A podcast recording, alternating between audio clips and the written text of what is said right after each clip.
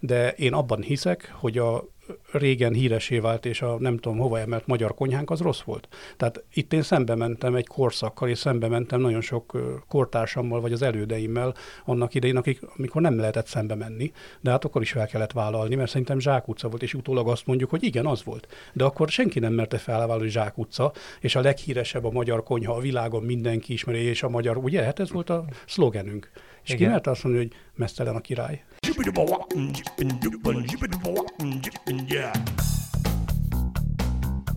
Üdvözlöm a hallgatókat, ez itt a 24.hu filéző podcastja. Én Inkei Bence vagyok, a műsorvezető társam Jankovics Márton. Sziasztok!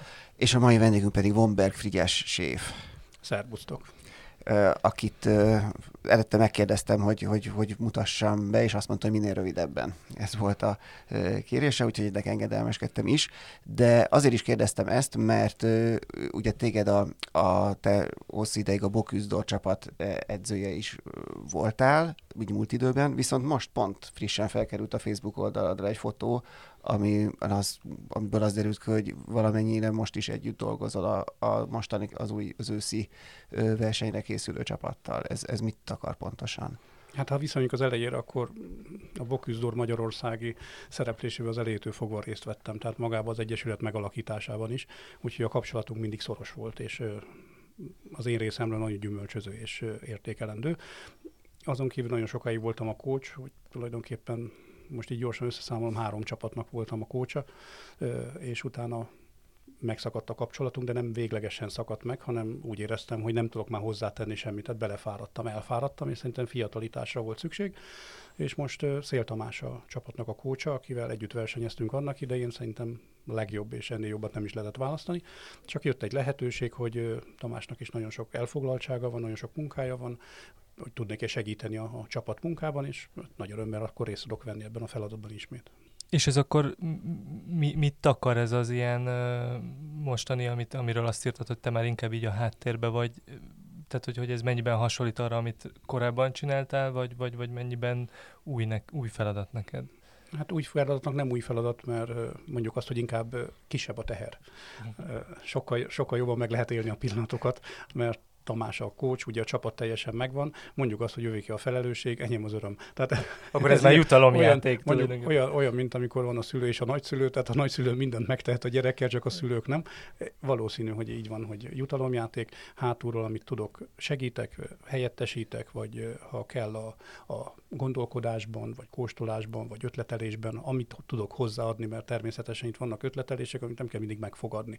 Mindig vannak vakvágányok, amik kudarcok, de fel kell vetni azt a témát is, mert hát ha abból utána kifakad valami. Nem mindig a jóból születik megint a jó, hanem néha a rossz visz tovább arra, hogy, hogy biztos, hogy erre ne, és biztos, hogy az az igen. Úgyhogy minden ötletnek van értéke. Szerintem akkor ezt az általad még a felvétel előtt említett Frank Cappa is értékelni ezt a gondolatot, hogy így kísérletezni kell, akkor ezek szerint a konyhában is, nem csak a zenében. Hát kísérletezés nélkül nincs erőlépés. Az, hogy beidegződött dolgokat csinálunk, az azt jelenti, hogy lehet, hogy rosszul tanultuk, és akkor a rosszat visszük tovább zsigereinkben. Tehát itt a kísérletezés nem arról szól, hogy, hogy a rosszat fogjuk produkálni, hanem a kísérletezésnek az a, az a része, hogy vagy jó irányba menjünk, vagy rossz irányba, de mindenféle utat keresünk. Ugye a kísérletezésre útkeresés van, és ez nagyon fontos dolog a konyhában is, hát annélkül nincs evolúció. Igen, csak ugye erre mondják azt, hogy, hogy, hogy ebben nagyon fontos azt megugrani, hogy az ember el tudja fogadni azt, hogy hibá, hibázik, tehát hogy, hogy, hogy akár egy zsákutcába kerül, a, és ne inkább mindig a járt utat, meg a biztonságosat járja, hogy ez, a, ez az ilyen típusú fejlődésnek és tanulásnak egy ilyen nagyon fontos... Itt a jártúttal van nekem a legnagyobb problémám, mert mi biztosítja azt, hogy az a jártút az a helyes és az a jó? A jártút az egy nagyon, nagyon széles út, és hogyha százan jönnek, százan mennek egy irányba, lehet, hogy nem ők mennek jó irányba de az sem biztos, hogy, hogy mindenki, hogy aki szembe jön az autó, hogy mindenki szembe jön az autópályán, akkor, akkor nem nekik van igazuk? Ezt, ezt is. Nem nekik van igazuk. Én ezt kimerem jelenteni. Uh-huh. Tehát azzal, hogy én egy, egy tömegbe be akarok állni, az nem azt jelenti, illetve hogy ne kelljen beállnom a tömegbe. A tömeg nem biztos, hogy jól gondolkodik. Tehát engedtessék már meg, hogy van egy véleményem, és ha a tömeg gondolkodik rosszul, akkor hagyd legyen már nekem egy véleményem, ami lehet, hogy helyes, és kiálljak mellette. Tehát van egy tömegpszichózis, amikor nem merem vállalni a véleményemet. Igen, és azt mondom, hogy merjem vállalni a véleményemet, lehet, hogy nem lesz igazam. De ha igazam van, és én hiszek benne, és a jó irányt akarom, tehát nem erőszakkal, bántva a másikat, lenyomva, megverve, lealázva akarok érvényt szerezni, hanem pontosan a száz emberrel szembe is szép szolidan alátámasztva, bebizonyítva, munkával akarom bebizonyítani, akkor, akkor az nem baj. Tudsz példát is mondani, hogy mi az, amiben például esetleg neked, amikor, amikor úgy gondolt, hogy neked volt igazad, és nem mondhatom azt, mert lehet, hogy nekem épp semmiben nem volt igazam, tudod? Tehát az, hogy kiállok valami mellett a mai napig is, az nem biztos, hogy nekem igazam van. De én abban hiszek, hogy a régen híresé vált, és a nem tudom hova emelt magyar konyhánk az rossz volt. Tehát itt én szembe mentem egy korszakkal, és szembe mentem nagyon sok kortársammal, vagy az elődeimmel annak idején, akik, amikor nem lehetett szembe menni, de hát akkor is fel kellett vállalni, mert szerintem zsákutca volt, és utólag azt mondjuk, hogy igen, az volt. De akkor senki nem merte felvállalni zsákutca, és a leghíresebb a magyar konyha a világon mindenki ismeri, és a magyar, ugye? Hát ez volt a szlogenünk. És Igen. ki mert azt mondani, hogy mesztelen a király. És ezzel szerinted, ezzel a konfliktus vállaló ö, magatartásoddal, ezzel, ezzel inkább, mert, mert ebben benne van az is, hogy tiszteletet vív ki az ember magának, és odafigyelnek a szakmán belül, és akár kívül is arra, amit mond, meg az is, hogy persze mindenféle negatív következményei lesznek már, mint hogy gáncsolják, meg akár épp partvonalra szorul. Szóval te ezt így a saját pályádon, vagy hogy, hogy, hogy, hogy éled meg, hogy ezeket a pozitív vagy negatív hatásait annak, hogy te mindig törekszel arra, hogy kimond az igazat, akkor is a kényelmetlen. Nem biztos, ez, ez azért nem biztos, hogy mindig igazat mondok. Tehát itt mindig ugye, próbálunk igen, arra fele haladni, és uh, itt is azért mondom, hogy aki azt mondja, hogy mindig igazat mond, az is hazudik. Tehát uh-huh. ugye, mert az igazságnak is két oldala van, ez egyik az enyém, ami nem biztos, hogy a tied. Akkor a meggyőződés. A meggyőződés. Akkor így, így igen, mondjuk, hogy a hitvallásomat, vagy amiben én hiszek.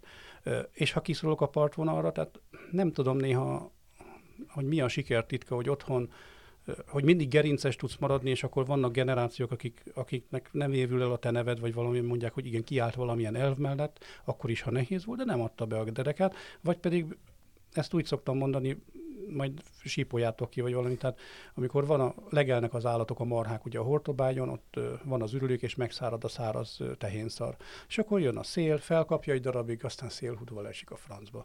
Ugye? Tehát akkor minek van nagyobb értelme, hogy én nem akarok egy száraz tehénszar lenni. Tehát valami mellett, ha kitartunk, és igenis hosszú távon, hogyha ha valószínűleg hiszel valamiben, és van egy hitvallásod, az be fog érni, tehát az nem fog elévülni annak nincs olyan érték, hogy elévül. Legfeljebb te kimész a divatból, mert te is csökövényé válsz, és nem tudsz egy idő után már tovább fejlődni. De az nem azt jelenti, hogy az benned van a hiba, akkor engedni kell a következőt, hogy ő csinálja.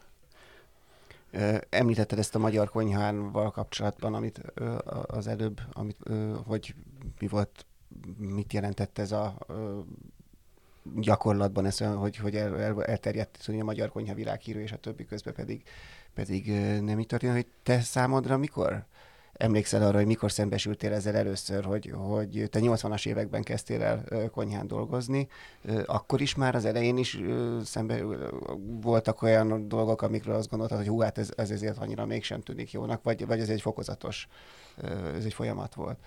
Hát nehéz a válasz, ugye én ebben ültem bele, én 79-ben kezdtem a, a szakácsiskolámat, tehát egy másik rendszerbe gondolkodva te azt mondod, hogy itt, itt ülsz a budiba, és nem látsz ki csak a kis szívecskén, ami oda van téve, akkor neked mi a világ, ami a budin belül van, vagy a szívecskét, amikor nem éred föl, és a budin kívül van. Tehát ül egy kisgyerek, vagy ül bárki, és a szívecskén keresztül nem lát semmit, tehát majd ad a budinak a világa. És azt el tudod fogadni, mert abban nőttél bele, ezt látja, ezt látod, nincs, nincs innen más perspektívát, hát semmi nincs.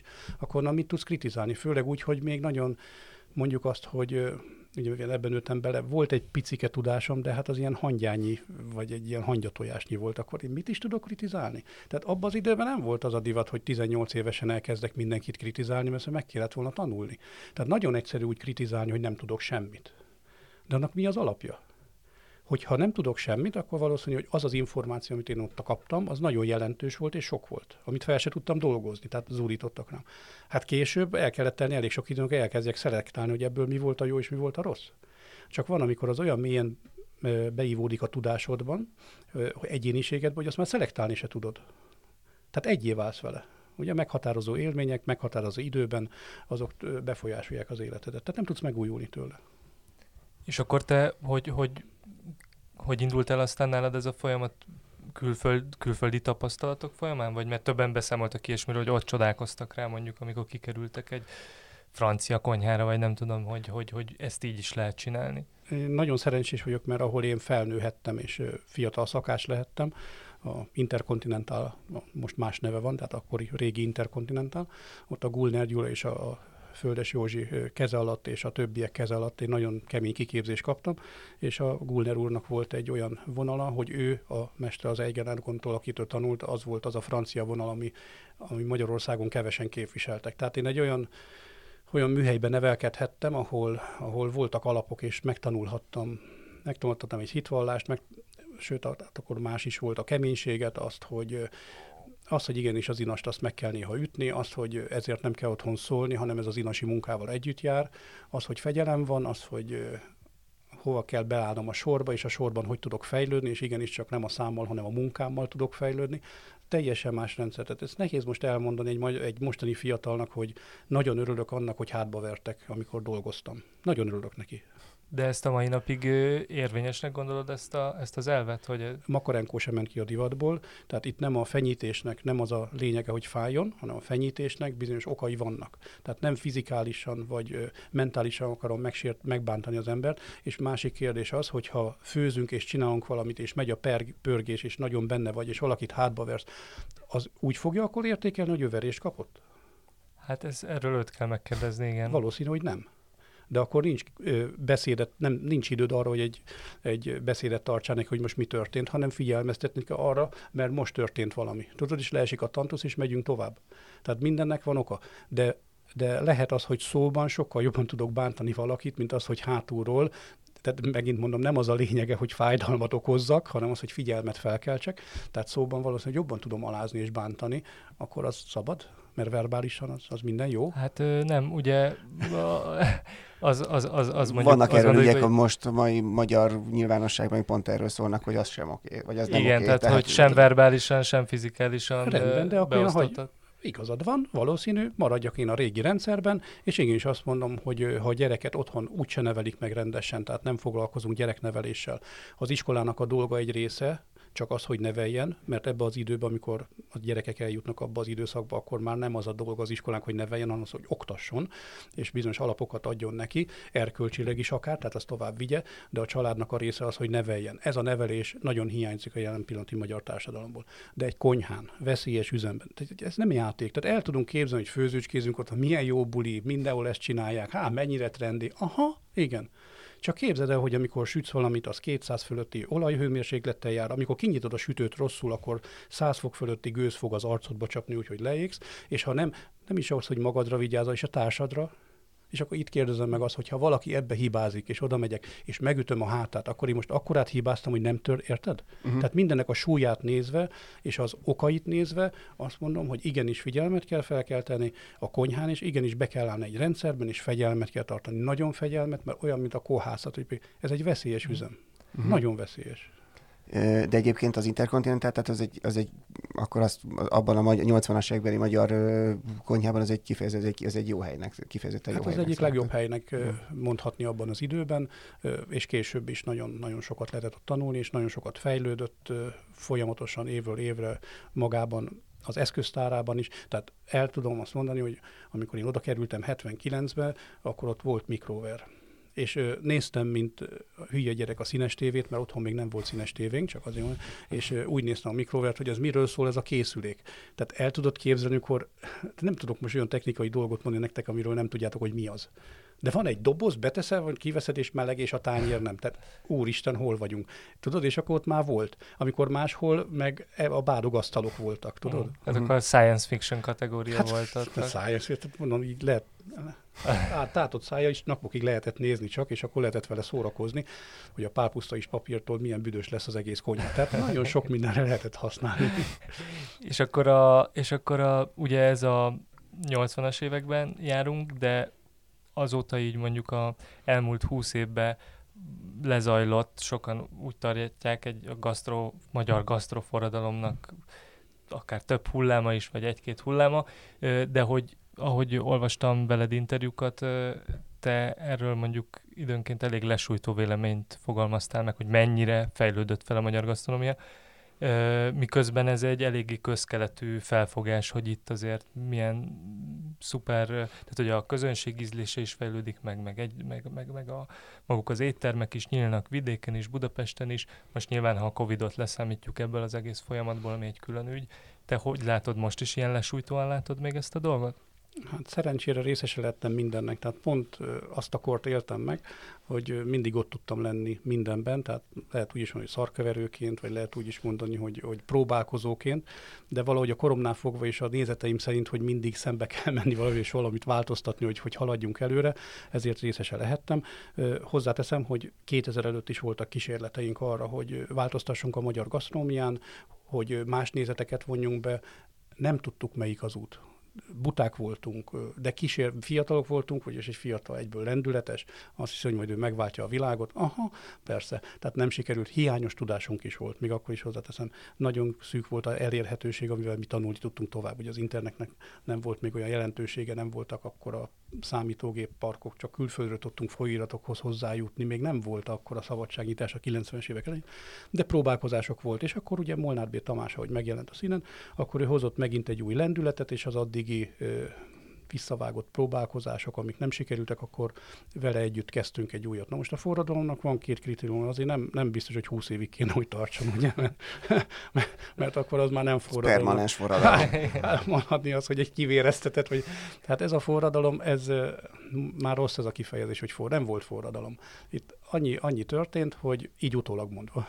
Összeálltunk, mint, mint az ISAP, és akkor megpróbáltunk közösen gondolkodva elindítani valamit, és nagy hittel és reményekkel belevágva. Nagyon sokan gyűrtek körénk, körénk nagyon, nagyon szépen fejlődött ez a tábor.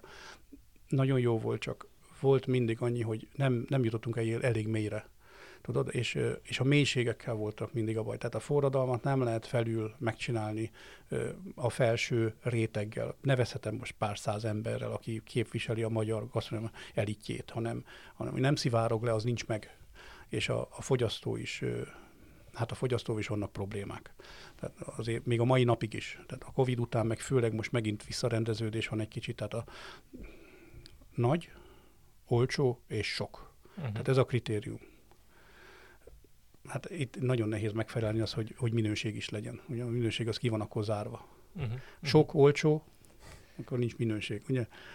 Hát, De úgy, ez, ez, ebben nem érzek ezt változást? Ebben, hogy, hogy ezt, vár, ez, ezt várják egy étteremtől sokan? Hogy ez mi most már kevesebb, vagy hogy egyre többen nem feltétlenül ezt várják egy étteremtől, hogy nagy legyen az adag és olcsó? A, a nagysággal itt mindig azt szeretném hozzáfűzni, hogy nagyon én is hittem abban, hogy valaki végezik 8-10 fogást, és akkor elég a kicsi is, csak képzeld el, hogy a kis éttermekben nem akarnak 8-10 fogást tenni. Tehát itt a mérette, hogy a magyar ember már nem enni szeret, hanem még mindig zabálni. Tehát bennünk van az a kiéheztetett korszak, mindegy, hogy, hogy, hogy, hogy nekünk már pedig jól kell lakni. Lehetőleg egy adag ételre kell jól lakni, de rendelek még mellé kettőt, ha megy, és akkor föl se tudok állni. Tehát ez a mértékletesség valahogy nem alakult ki bennünk. Még mindig éhen akarunk halni. Nem, nem vettük tudomásul, hogy holnap is tudunk vásárolni, holnap is el tudunk menni az étterembe, ez még valahogy picit, de nem baj. Próbáljuk meg úgy csinálni, hogy a, a vásárló jól járjon, tehát legyen akkor az adag, hogy, hogy az neki jó legyen. Picivel kisebb, mint a, mint a nagy, de, de amikor megkapja szemmel láthatólag, azért nyugodjon meg. Az elit éttermekben, ahol tényleg 8-10 fogásos menü van, ott ezt kár mondani, mert, mert a 8-10 fogás végére ott már megtörténik, de ott csak két vagy három fogást esik, ott azért erre oda kell figyelni.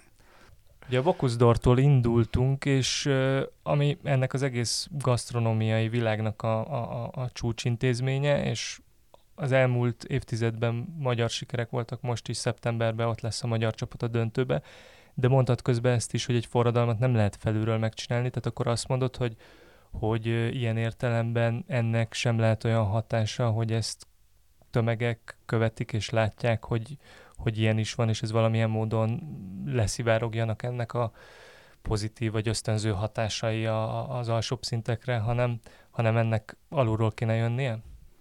alulról mindig nagyon sokat kell tanítani, és a fejeket ö, kimosni.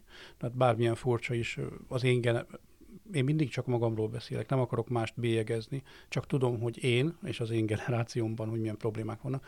Tehát agymosást kéne tartani nem minden szinten, azon a szinten, hogy azokat a rossz szakmai attitűdöket kiszedjük belőle, ami miatt nincs fejlődés.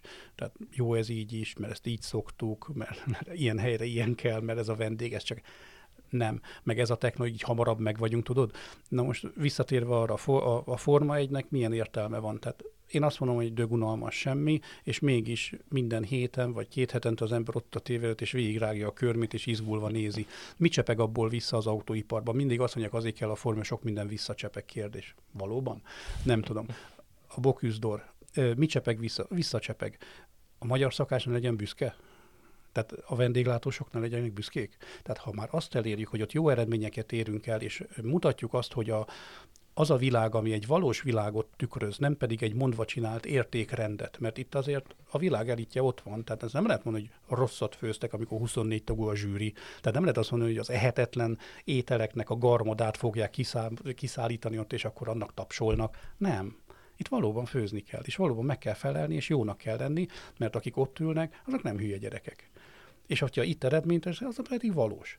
És hogyha itt valós, akkor elkezdjük mondani, hogy a magyar konyha elkezdett valamilyen irányba menni, az, hogy keresi az útját, az, hogy fel kell vállalni magunkat, ez mind igaz.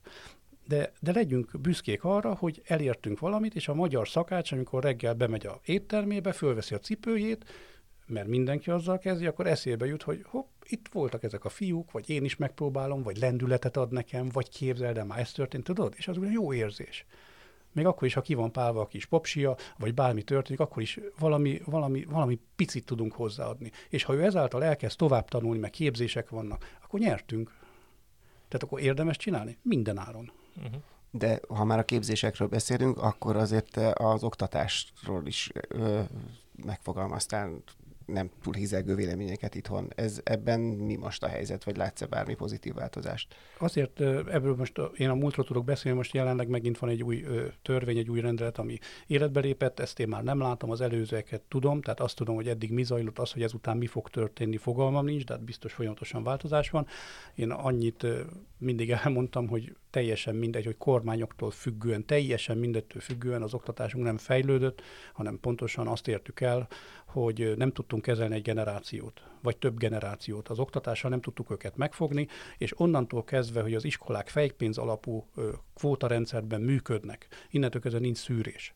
Tehát az, hogy nekem föl kell venni mindenkit azért, hogy, hogy életben maradjon az iskolám, akkor innentől kezdve nagy baj van a, a példákról, amikor én kezdtem, három iskola volt Budapesten összesen, de a környéken se volt. Ehhez képest, amikor jött egy felszabadult liberális gondolkodás, onnantól kezdve mindenki szabadon nyithatta az iskoláit. Na most kérdés az, hogy ennyi emberre szükség volt? Mert ugyanis akik jelentkeznek az iskolában, adatokat mondok, 10%-ánál nem helyezik el több a szakmába. Akkor hova dobjuk ki a pénzt? Érted? Tehát akkor miért finanszírozok olyan iskolákat, akik azért élnek csak, hogy fölvegyék a fejpénzt, kinevelik mondjuk a gyereket, mindegy, hogy hogy, mert innentől kezdve a követelményi rendszer az nem olyan, mert nem bulcsáltam el, mert fejpénzt kapok utána, érted? Tehát innentől kezdve egy olyan zsákutcába kerültünk bele, hogy elkezdett higulni. Tehát én akarok, az zsákutca, hogy én akarok megfelelni a gyereknek. Mm. Érted? Hát egy iskolába. És ugyanez a felsőoktatásunkra is érvényes. Én csak annyit mondok, hogy ha annak idején én tudom, hogy az érettséginél 50 százalék fölött kaptam kettest, de most 25? Értitek, hogy mire gondolok? És egy, egy olyan szakma, ahol gondolkodni kell, vagy, vagy éppenséggel, ahol az, ez nem csak az én szakmámról beszélek, tehát egy autószerelő is beszélek, meg egy bádogosról, és akkor mondjuk azt, hogy milyen, milyen szarok a mostani szakemberek. Hát nem mi csináltok ilyenné? Tehát ez kinek a felelőssége? Nem a miénk? Az ennek a generáció. Tehát én nem azt mondom, hogy, hogy tehát érted a generáció szemléletnek. Uh-huh, uh-huh. És ö, neked korábban beszéltél arról, hogy hát vannak ilyen, ö, vagy voltak ilyen álmaid, vagy nem is tudom, vágyaid, hogy, hogy esetleg egy saját ö, iskolát alapítani ilyen értelemben, csak hogy hát ennek nyilván financiális ö, ré, része is van, ami nem feltétlenül egy profitorientált vállalkozás lenne, sőt biztosan nem. Ö, gondolom ez az utóbbi években nem, nem, nem jelent meg a, a nagyon távolban néző mecénás, aki, aki ezt finanszírozná, ezt a projektet? még annak idején a Magyar Gasztronómiai Egyesülettel próbálkoztunk magániskolát létrehozni, a Pólok Laci, aki Isten nyugosztalja, tehát azóta elhunyt, ő finanszírozta volna az egészet, de egyszerűen finanszírozhatatlan. Tehát hogy fogok kérni pályahegy, a legjobb szakácsokból jelen pillanatban pálya elhagyásból lesz, tehát aki belefáradt ügyvéd, nyelvész, magyar tanár, mindenki is rájön, hogy ő gasztron akar foglalkozni, azok eljönnek szakácsnak. És hát ők és, már rendszer... És, és ennek mi azok, hogy náluk van új szemlélet, kreativitás, nem, vagy a lelkes? szükség, tehát ilyen egy tehát ja. a bölcsész, tehát van egy bölcsész, kép, bölcsész képzésünk, most abból hány százaléka tud elhelyezkedni a szakmába? És ugyanakkor ő lehet, hogy ugye a kényszer szakmák, mint apa is, tehát ezt azért tudom mondani, ott állsz a gyerekeddel 18 évesen, és most mit csináljunk? A, a, a szakmáknak a, a szélesség az csökkent. Tehát ugye, mert nem fér bele, előtte volt mondjuk 1500 szakmánk, jelen pillanatban most már tandítató szakmák közül 800-nál tartunk, és ez folyamatosan megy lefele. Tehát valaki, aki elment lószerszám készítőnek, nincs. Tehát ilyenekre nincs is már szükség. A főiskoláknak a nagy része, vagy egyetemeknek, vagy most már mindegy, hogy hogy hívom, mert ezek megszűntek, teljesen más képzési rendszere van. Hív, hív téged az a szak, amire te jelentkezni, azt se tudod, miről szól. Az iskola nem azért indítja azt a szagot, mert az szükség van, érted? Mm. Tehát erre mondom, hogy itt, itt, itt ez, az, ez az ó elkezdett nyílni. Tehát olyan szakokat kezdünk el tanítani, ahol azt a gyereket, aki épp átbukdácsol a, a gimnáziumba, föl tudjuk még venni ebbe a szakba, mert az iskolának abból megint csak lesz fejpénze, és megint tovább tud élni, csak arra a szakmára nincs szükség. De hogyha maradunk a gasztronómiánál, akkor szerinted mi lenne ott a megoldás erre, tehát hogy valamilyen kevesebb iskola, de olyan, ami nagyon magas követelményeket támaszt, és folyamatos kapcsolatban van valódi éttermekkel, és, és ilyen gyakorlatorientált? A jelen pillanatban a duális képzés vagy gyakorlatorientáció megszűnt, tehát megvalósult, ez így is zajlik. Itt ennek vannak kritériumai, hogy ami nagyon nagy baj, mert eddig volt a, a régebbi iskolarendszernél, voltak szakirányú foglalkozások az iskolában, kis csoportos gyakorlatok, tehát ez megszűnt, hogy csak bizonyos korig lehet, azon, az felett nem lehet. Nagyon megnézném, hogy nincs ennyi iskolás szükség, ennyi gyerekre se. Hogy a gyereket bocsánat, hogy gyereknek nevezem, de nekem akkor is, hát mivel fiatal, hogy, hogy nevezem már őket még 20 éves, mert gyerekek, csak nagy gyerekek. Tehát a, a gyerekeket hogy helyezem ki munkahelyre, illetve ő talál magának munkahelyet, vagy a szülő. A szülő azt fogja nézni, hogy a gyerekemnek hol a legrosszabb? Nem azt fogja nézni, hol vagyunk a legközelebb, keveset kelljen utazni, fél négykor vége a munkának, mert akkor netán rohanni kell az edzés. Ez jó a gyereknek? Ez nem jó a gyereknek. Tudod? És innentől kezdve, hogy vannak olyan helyek, ahova tanulók vannak kihelyezve, vagy tanulók mennek, ahova nem is küldenék tanulók, nem is lenne szabad, hogy ott oktassanak. Csak azért, meg kényelmes. És erre jött az, hogy voltak kis csoportos foglalkozások, ahol fölhúzták ezeket a gyerekeket, mert van olyan munkahely, tegyük föl, hogy hollandi mártást az életben nem készítenek. Most egy magyar szakácsnak egy olyan mártást, amit a világon mindenki készít, ezt nem kell tudnia. Értitek a baj? Tehát itt, itt, itt több sebzőr vérzünk, hogy milyen munkahelyek mit oktatnak, kivel oktatnak, hogyan oktatnak. Itt nem csak az iskolának van a felelőssége, mert jelen pillanatban majdnem többet van a gyerkőc a munkahelye, mint az iskolában. És az iskola nem képe, a munkahely pedig nem arra való, hogy folyamatosan ö, utánképzést, tehát tanítást végezzen. A munkahely munkáltat, az a neve, munkáltat. Iskola oktat akkor a munkahelyen vegyük ki, bezárjuk az éttermet hirtelen, és akkor most tartok egy három-négy órás kurzust a gyerekeknek, a, a, elkezdem őket életszerű. Világos, hogy Tehát nem, nincs igen. meg az a láb, ahol a gyerekek tovább fejlődve, kis csoportba, centrumba behozva, bármi megtörténjen, mind rés. És a szülő, megtörtént esetről beszélek, tehát a szülő, amikor jön az iskolába, és azt mondja, hogy ez borzalmas a gyereke számára ez a munkahely, mert 8 órát folyamatosan dolgozik és a cigiszünet, de érted, úristen, tehát értitek, hogy, hogy elkezdünk, akkor ne jöjjön, ne jöjjön erre, a, tehát a vendégnek azt mondom, hogy te bejössz enni, és nem adunk levest, hát cigiszünet van. Tehát, életszerű dolgok. Tehát mint a közértben, amikor nem szolgálnak ki senki, mert most épp cigiszünet van. De egy, egy konyha nem arról hogy annyi fölösleges ember van, hogy bárki elmehet dohányozni, meg most leülünk ebédelni. Tehát meg kéne nézni, hogy mire vállalkozunk, hova küldjük el a gyerekünket. Azt olvastam a, a, a könyved, könyved ajánlójában, hogy ami ilyen önéletírás, hogy, a, hogy te már egészen kiskorodban tudtad, hogy te szakács akarsz lenni? Hogy hát. már a, a óvodai mászokán is ezen morfondíroztál. Ez neked hogy jött ennyire korán? Ha, mint tudjuk, akkor még te magad is mondtad, hogy akkor a séfségnek még nem volt ilyen kultusza, mint manapság, messze nem. Mivel a szüleim ezzel foglalkoztak, tehát én meg könnyen mondtam a mászókán, hogy én nekem ez az életem, úgyhogy édesapám is az volt, az ő testve, a nagybátyám, keresztapám, az ő fia is együtt tanultunk, tehát nekünk ez, ez volt az életünk. Én ebben nőttem bele. Én nem is volt más elképzelésem, hogy lehet itt. De miért van más szakma azon kívül, hogy valaki szakács? Tehát, Mondtál egy olyan érdekes dolgot a, most a magyar konyhára és a rendszerváltásra visszatérve, hogy úgy látszik, hogy már akkor a rendszerváltás környékén is így volt egy olyan irány, ami, ami érezte, hogy valami nem stimmel, de hogy akkor ezt úgy akarta megoldani ezt a problémát, hogy teljesen kiöntötte a fürdővízzel a gyereket is, és hogy akkor jött helyette, meg bejött egy ilyen nemzetközi konyha, és jött a, a, a mozzarellás csirke, meg a, meg a feta sajt, meg a padlizsán, meg a nem tudom micsoda, hogy jól értem, hogy igazából nem ezekkel az alapanyagokkal van a bajot, hanem az, hogy, hogy, hogy, hogy, hogy, hogy, hogy, hogy ezzel egy időben a hagyománytól is, és a karakterétől is megfosztották a, a, a mainstream magyar konyhá, vagy sok éttermet egy, egy, időben, és ez a mai napig érzékelhető. Hát igen, mert a trendiségnek akkor meg kellett felelni, hogy külföldön már bejött, ugye egy kicsit előrébb jártak ez a trendiség, hogy a, ami most is van, hogy csirkemelet teszik, mindenki csirkemellel, más étel nem jó. Akkoriban nagyon sok belsőségételt főztünk, és jól főztük, mert akkor az volt elérhető, az már nem vált trendi, mindenki fújjól. És uh, mindig van egy, van egy kérdőjel, hogy a mi gasztronómiánk, a társadalmi tudatunkban és, a, és az értékkörünkben mennyire mélyen van benne, vagy benne van egyáltalán. Tehát az értékezési kultúránk valószínű, hogy nincs olyan mélyen, mint akár a többi nemzetnél, aki, aki komolyan veszített olaszoknál, spanyoloknál, franciáknál. Tehát a kultúránk része valóban az étkezés. A kultúránk része valóban a hagyományápolás. És melyik hagyomány? És az mikori? Tehát beszélünk itt magyar konyhára, említjük a hortobágyi palacsintát, az 50-es évek összerakott ételét. Tehát miről beszélünk? Tudod? Hogy, hogy el kell kezdeni, sosem azzal van baj, amit a, a, a, egy étellel nincs baj. Tehát a hortobágyi palacsinta nagyon jó, csak ne az jusson eszedbe, hogy az étteremben maradékokból, érted? Tehát amivel te párosítod azt. A, a bablevesnél, vagy egy sváb bablevesnél jobb étel nincs. Tehát a bablevesen nincs baj, csak azzal, hogy rosszul főzik meg.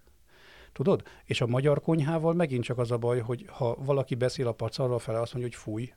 Miért Lyonban több olyan étterem van, ami kimondottan csak pacalos ételeket árul. Ott nem fúj, Magyarországon fúj, tehát még föl se váljuk vállalni a mi gasztronómiánkat, nem is foglalkozunk vele, a kultúránknak nem része, mert hamarabb jön a mazarellás csirkemel, és azok az összerakott ételek, amit most fogyasztunk, mint hogy visszanyúljunk. És ezt bátran merem mondani, nagyon sok szakács meg se tudja főzni.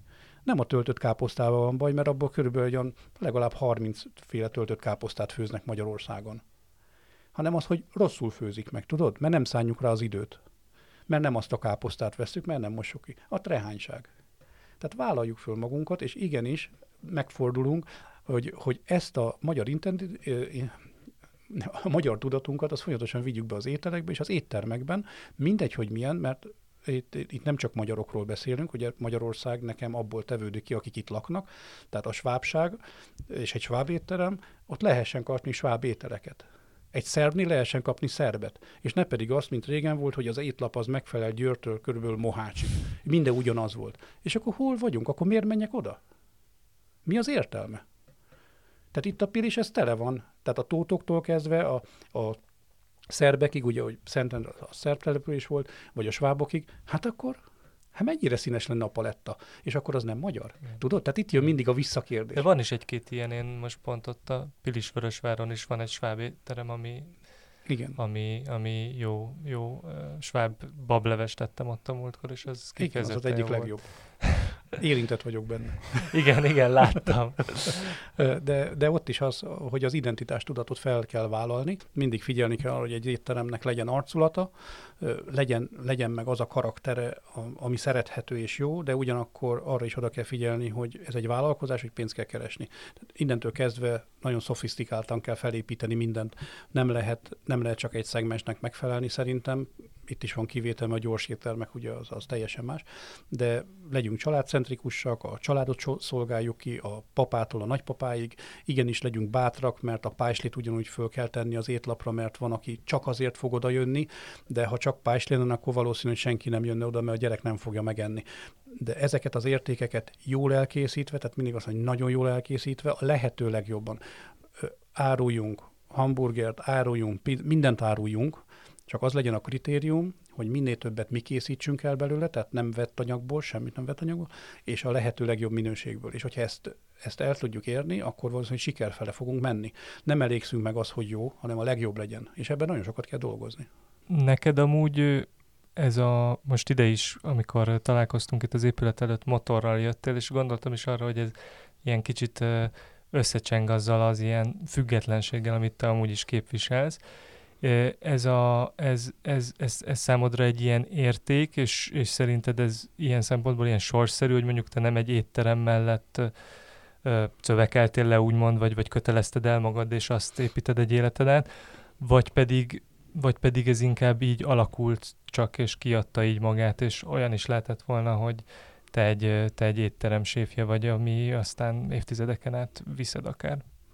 Hát itt eh, vissza egy életérzéshez, hogy van egy barátom, a Törjék Attila, nagyon sokat versenyeztünk együtt, és vele szoktuk mindig azt mondani, hogy nagyon sokan azt hiszik, hogy a rock and roll egy tánc. Ez az élet. Ugye, és akkor innen kiindulva, hogy hogy fogjuk föl. Az, hogy én motorra jövök, az, hogy laza tudok lenni, az nem azt jelenti, hogy a munkában is az vagyok. Nálam merevebb ember kevés van és az, hogy nem tudtam elhelyezkedni, tehát nagyon sokáig voltam sév, de ott az élethelyzetek úgy hozták, hogy volt adott pillanat, amikor nem volt rám szükség. Tehát egyszerűen nem, nem tudtam elhelyezkedni. Nem volt munkám. Ezért lettem vállalkozó, tehát ezért kezdtem el felépíteni egy másik utat magamnak. És ahogy telt múlt az idő, nem találtam senkit, akivel együtt tudtam volna dolgozni. De nem azért, mert olyan makacs és és olyan, olyan ember vagyok, hogy nem akarok, hanem azért, mert abban a helyzetben, tehát ez a 2000 környékére beszélünk, azok a helyek, amik jók voltak, mindenhol ott voltak a séfek, és nem volt több. Nem, egyszer nem volt több. Nem volt nekem senki, aki velem nyitott volna egy éttermet, mert akkor épp mindenki pénzt szeretett volna kiszedni. És ahogy telt múlt az idő, hát ezek az álmok szerte foszlottak, úgyhogy így maradtam úgy, hogy konyha nélkül, és akkor így folytam bele nagyon sok dologba, tehát így volt szerencsére nagyon sok időm arra, hogy az oktatással foglalkozzak, mert tanítottam, és nem azért, mert abból éltem, hanem pontosan azért, mert úgy gondolom, hogy vissza kell csepegtetni, vagy mást, mást is be kell vinni az oktatásba, és akkor nagyon sok mindennel tudtam foglalkozni, ami később az előnyömre vált. És soha nem hagytam ott a konyhát, tehát mindig konyhán is dolgoztam természetesen. De hiányzik egyébként ez, hogy, hogy napi, nem tudom, 8-10-12 órát egy konyhában, dolgo, egy, egy konyhában dolgozzál, vagy ez, ezt most már elengedted végre? Hát most már nem vagyok a mai csibe, tehát ez most már úgy hiányzik, mint üveges tótnak a hanyattesés. tehát ez már a testem se bírja, de hiányzott, nagyon sokáig hiányérzet volt belőle, mert mert, mert az volt az életem, tehát egyszerűen a másik nem volt igazi, csak mégis azt kellett csinálni. Most már nem, de most is nagyon szeretek konyhán lenni, és ott, ott érzem jól magam. De napi szinten már az az időmennyiség már nem megy. Sok, itt több vendéggel is téma volt a, a, a vidéki éttermeknek a, a, a fejlődése. Te is így látod ezt, hogy az el, különösen így most a Covid helyzet is inkább azt mutatta, hogy itt a fővárosi éttermeket viseli meg például az, hogy, hogy, hogy nincsenek külföldiek, vagy nagyon kevesen vannak, miközben a belföldi turizmus az, az tavaly is, meg idén is úgy néz ki, hogy majd, hogy nem gond nélkül átvészeli a, ezt a nyarat. Ezt te is lát, mit, mit gondolsz, hogy ez az éttermek, egyes éttermekre, vagy vidéken, Budapesten ez milyen hatással van? Hát a, a Covid-ot én végig idézője végig dolgoztam, mert van egy kis étterem, akivel mi össz, tehát együtt gondolkodunk, és tudom, hogy mi munka van abban, hogy nem elküldeni az embert, hanem arra játszani, túlélni. Tehát nullán lenni, vagy kevés veszteséggel túlélni. Ez nagyon fontos szempont.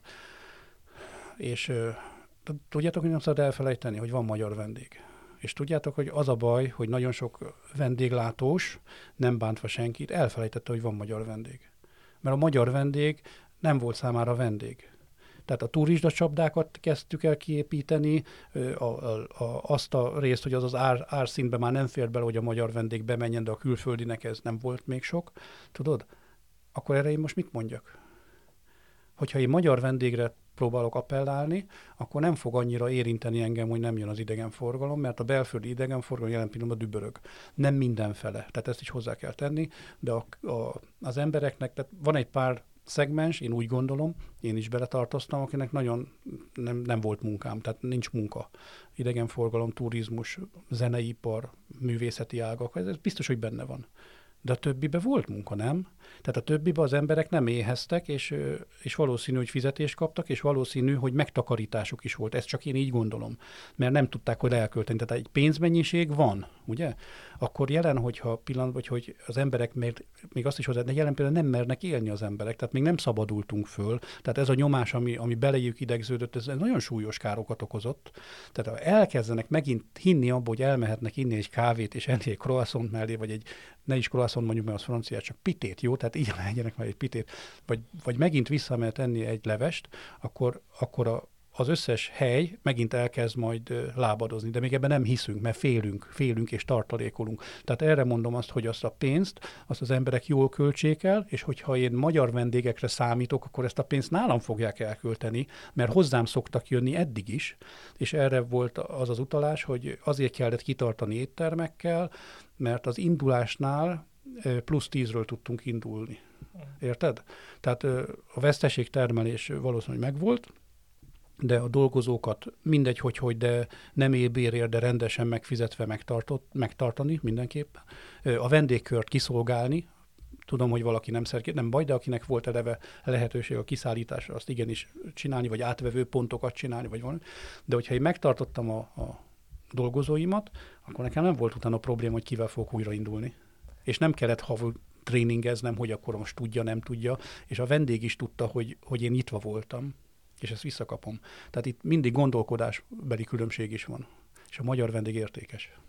És gondolom meg, ahogy másokkal is beszélünk, meg hát józan parasztészsel is lejön azért, hogy, hogy épp ez a csapat összerakása az, ami nem egy ripsrops, hanem tehát ez az egyik legnagyobb értéke egy ilyen helynek, hogy hosszú, akár éve, hosszú évek alatt összeáll egy olyan csapat, amiben megvan az a tudás, meg összeszokottság, tehát hogy ilyenkor mondjuk gondolom ez a fő szempont, hogy ezt hogy lehet megőrizni tényleg.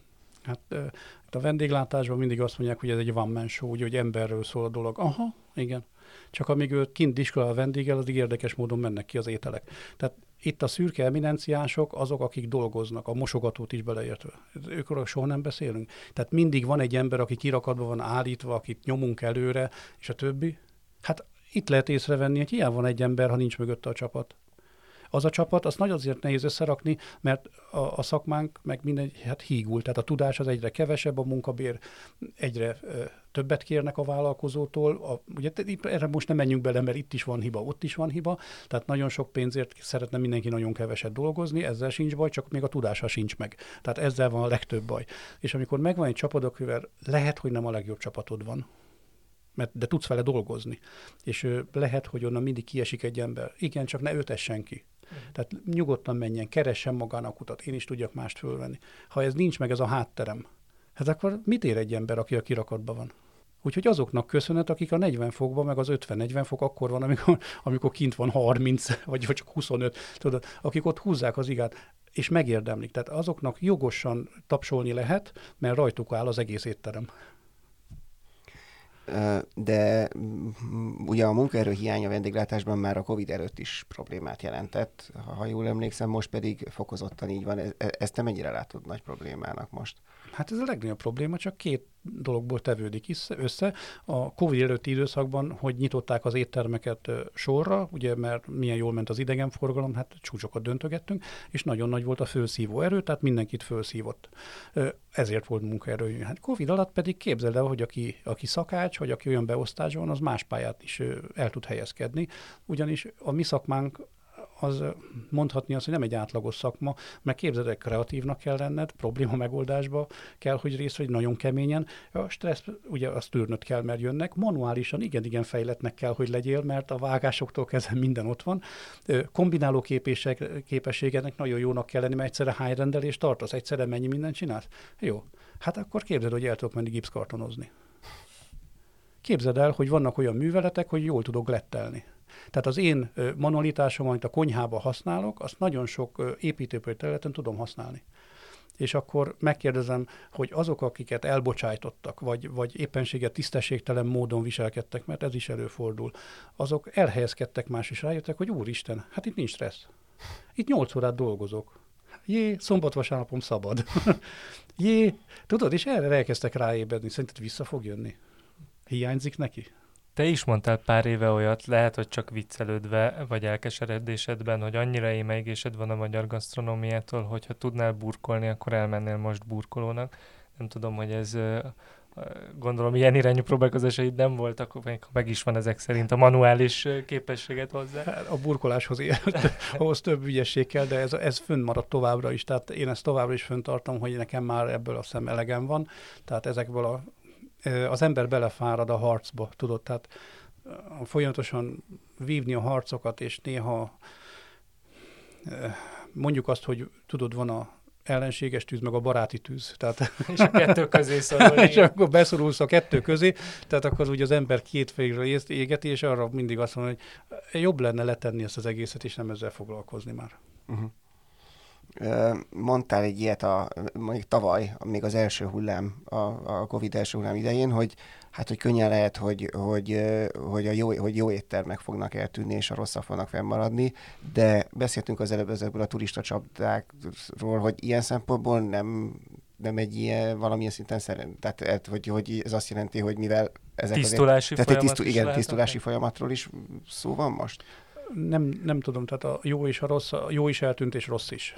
Tehát mindenkit megtizedelt. Én a, a jókat nagyon sajnálom, mert aki nagyon idézőjelben, tehát becsületes módon próbált becsületesen pénzt keresni, úgy, hogy a munkaerőt is megtartja jót, az, az azért kezdett el hamar elvérezni, mert mert a folyamatos investációjával nagyon pici volt a megmaradt tőke, amiből ő túl tudja élni már pedig ide egy kezdőnek, aki elkezdett négy-öt éves háttérrel, ugye ott még nem volt tőke felhalmozódás, ott mindig az volt, hogy fejlesztés, és így tudok arról, hogy Budapesten olyan jó éttermek, akik a magyar vendégek számoltak, bezártak, mert nem tudnak tönkre menni.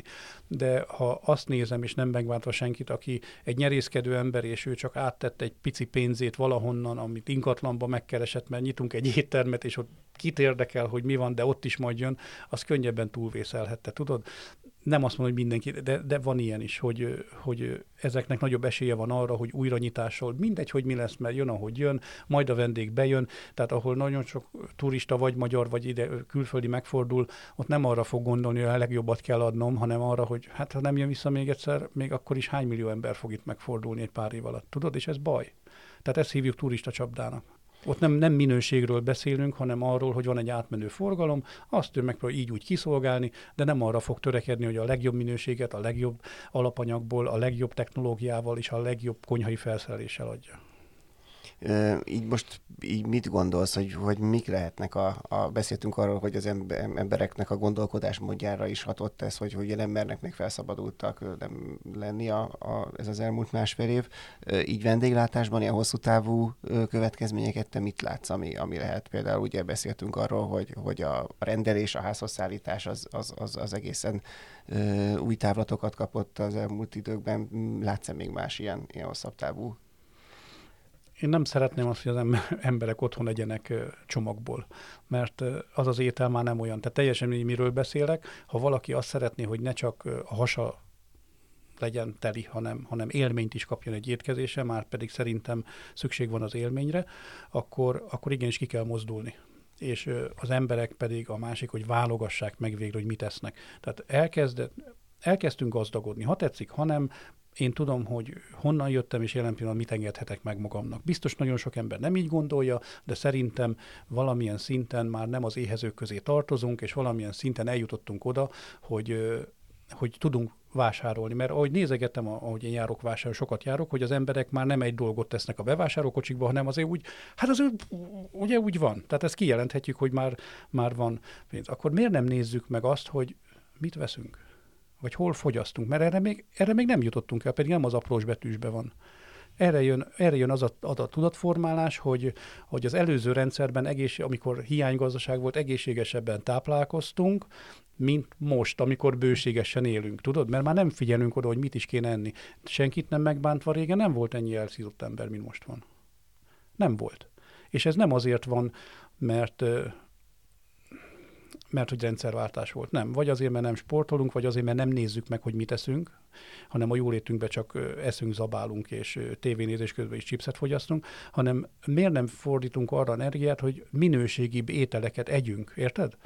Tehát nem azt mondtam, hogy soha nem értek azzal egyet, hogy vegyünk belőle kevesebbet. Mert a 18 éves fiamnak soha nem tudtam azt mondani, hogy most vettem öddek a drága sonkát, de ezt az egész hétre beosztom neked a szendvicsbe, érted? Hát azért körbe röhögne. De hogyha a pénztárcánkat nézzük, akkor mindig a pénztárcához képest vegyük a legjobbat. És ez, ez azt hiszem, hogy ez így helyes. Uh-huh. Mert ha csak 800 forinton van, akkor ahhoz képes, de hogyha magabb, akkor ahhoz képest. És akkor föntartjuk a gasztronómiánkat is, tehát folyamatosan fejlődünk, és képzel, hogy egészségesebben tudsz élni. Nyilván ehhez már ilyen filozófusi magasságokba kell emelkedni, de hol látod ezt, tehát milyen, milyen, milyen pillérei lennének annak, hogy egy ilyen év tizedes beidegződést, meg egy ilyen beidegződött kultúrát, vagy, vagy szemléletet felül, elkezdeni felülírni, vagy úgy, hogy tényleg hatásosan, hogy ne száz évbe teljen, hanem mondjuk csak 15 hát, évben. Ez nagyon nehéz, amit most mondasz. Tehát először is a lustaságot ki kéne dobni, mert az emberi lustaság visz arra, hogy mindig kényelmet keressél magadnak, és hogy otthon ne főzél, hogy a családodat szétestve hagyjad, hogy a gyereknek ne csomagoljak uzsonnát, tehát mert lusta, érted? Nem szánok rá fél órát, hogy csomagoljak uzsonnát, adok 200 forintot, most már többet, és akkor majd megveszi a, a frissen sült valamit, ami meg nem jó. Tehát, hogyha a lustaságot és a, a egymással való törődést abba próbálnánk meg, hogy, hogy hogy az étkezésünk az valós legyen, ami régen is volt, hogy, hogy valaki hazajön, és akkor egy levest összed. Tehát érted, hogy az otthoni főzésnek, a hazai ízeknek, hogy a, a minőségi fele menjünk, nem kerül se, ez nem kerül sem, ez lustaság kérdése. Tehát valószínű, hogy a, a médiával való törődésünk a sokkal több időt elvisz, mint az, hogy azzal törődjünk, hogy a családnak mit adok, vagy a gyerekemnek mit adok. És azt utána még ki lehet posztolni a Facebookon is, szépen hát, lefotózva, hát, hogyha... Igen, és hogyha azt, azt az időt egy picit elvonnám, és nappal abba tenném bele, hogy figyeljek, azért mondom, hogy ne rám, hanem arra gondoljuk, hogy gyerekemnek egy hosszabb életet adok. Tehát, hogyha már egyszer van egy gyerekem, akit, akit én vállaltam, akkor, akkor legyek már annyira felelős vele, hogy olyan életet próbálok neki teremteni, hogy ő egészségesebb legyen, nem? Mert utána vihetem az orvoshoz, és tényleg látom, hogy erről szól az életünk nagyon bátorítod az otthoni főzést, tehát nagyon sok. Tehát, és most erről is beszéltél, hogy tehát ez egy mennyire fontos kulcs ebben az egész a tudatosságban, az, hogy, hogy otthon főzzünk, akár, akár családunk van, akár nem. Ez, ez például hogyan bátorítanál valakit, aki, aki mostanában, aki eddig nem próbálkozott vele, és azért sem, mert azt gondolta, hogy ez egy nagyon bonyolult dolog, és hogy hú, hát, hogy én soha nem tudnék, soha nem tudnék olyanokat csinálni, mint amik a, például a séfek séfe műsorban vannak. De nem is kell. Erre csak annyit tudok mondani, hogy, hogy az én korosztályom már körül nagymama. Mindegyünk biztos, hogy nektek a nagymamáról eszetek jut valami, azt a legjobban csinálta. Biztos vagyok benne. És abban is biztos, hogy képzel, hogy nem. Tehát érted? Nem ő csinálta a legjobban. Tehát itt jön vissza az, hogy a, amit ő szívvel készített neked, az neked úgy tudatosult, hogy a, a világ, világ legjobb dolgát kaptad. Érted? Innentől kezdve a családnak az egysége, a gyerek jelen pillanatban fölmegy a szobájába, eszik valamit. Hol fogja elbeszélni a problémákat, ha nem úgy, hogy, hogy leül, biztos, hogy van rá mód, hogy egy picit együtt legyünk. Hogy amikor eszel, oda, oda túrsz neki egy jó kis pagettit, vagy valamit, amit meg lehet csinálni, hogyha ne is mondjak, hogy van a 30 perces ér, oda túrok neki valamit, és akkor csak két-három szóba próbálom oldani a, a dolgokat. És akkor arra gondol, és akkor mamának, a, érted? Tehát a nagymama is meg tudja fogni, ez csak megint visszatérek, ez nem, nem az az idő, ami, ami, ami 8 óra, tehát nem egy boküzdor versenyre menjünk, hogy még vécére se tudsz kimenni 6 óráig, mert csak ott vagy bent a konyhába. Ez nem arról szól.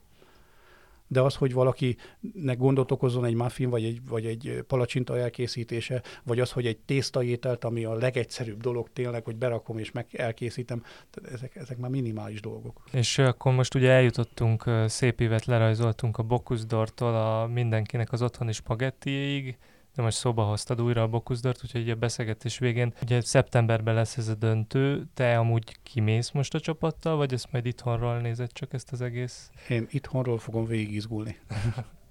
Jó, nagyon szépen köszönjük Berg Frigyesnek, hogy itt volt velünk, és nektek is, hogy hallgattatok minket, tegyetek így máskor is, a Filéző Podcast adásait megtaláljátok a 24.hu felületén, illetve bármelyik Spotify-on, illetve bármelyik egyéb ilyen felületen, ahol podcastokat szoktatok hallgatni. Köszönjük szépen! Köszönöm a lehetőséget! Sziasztok!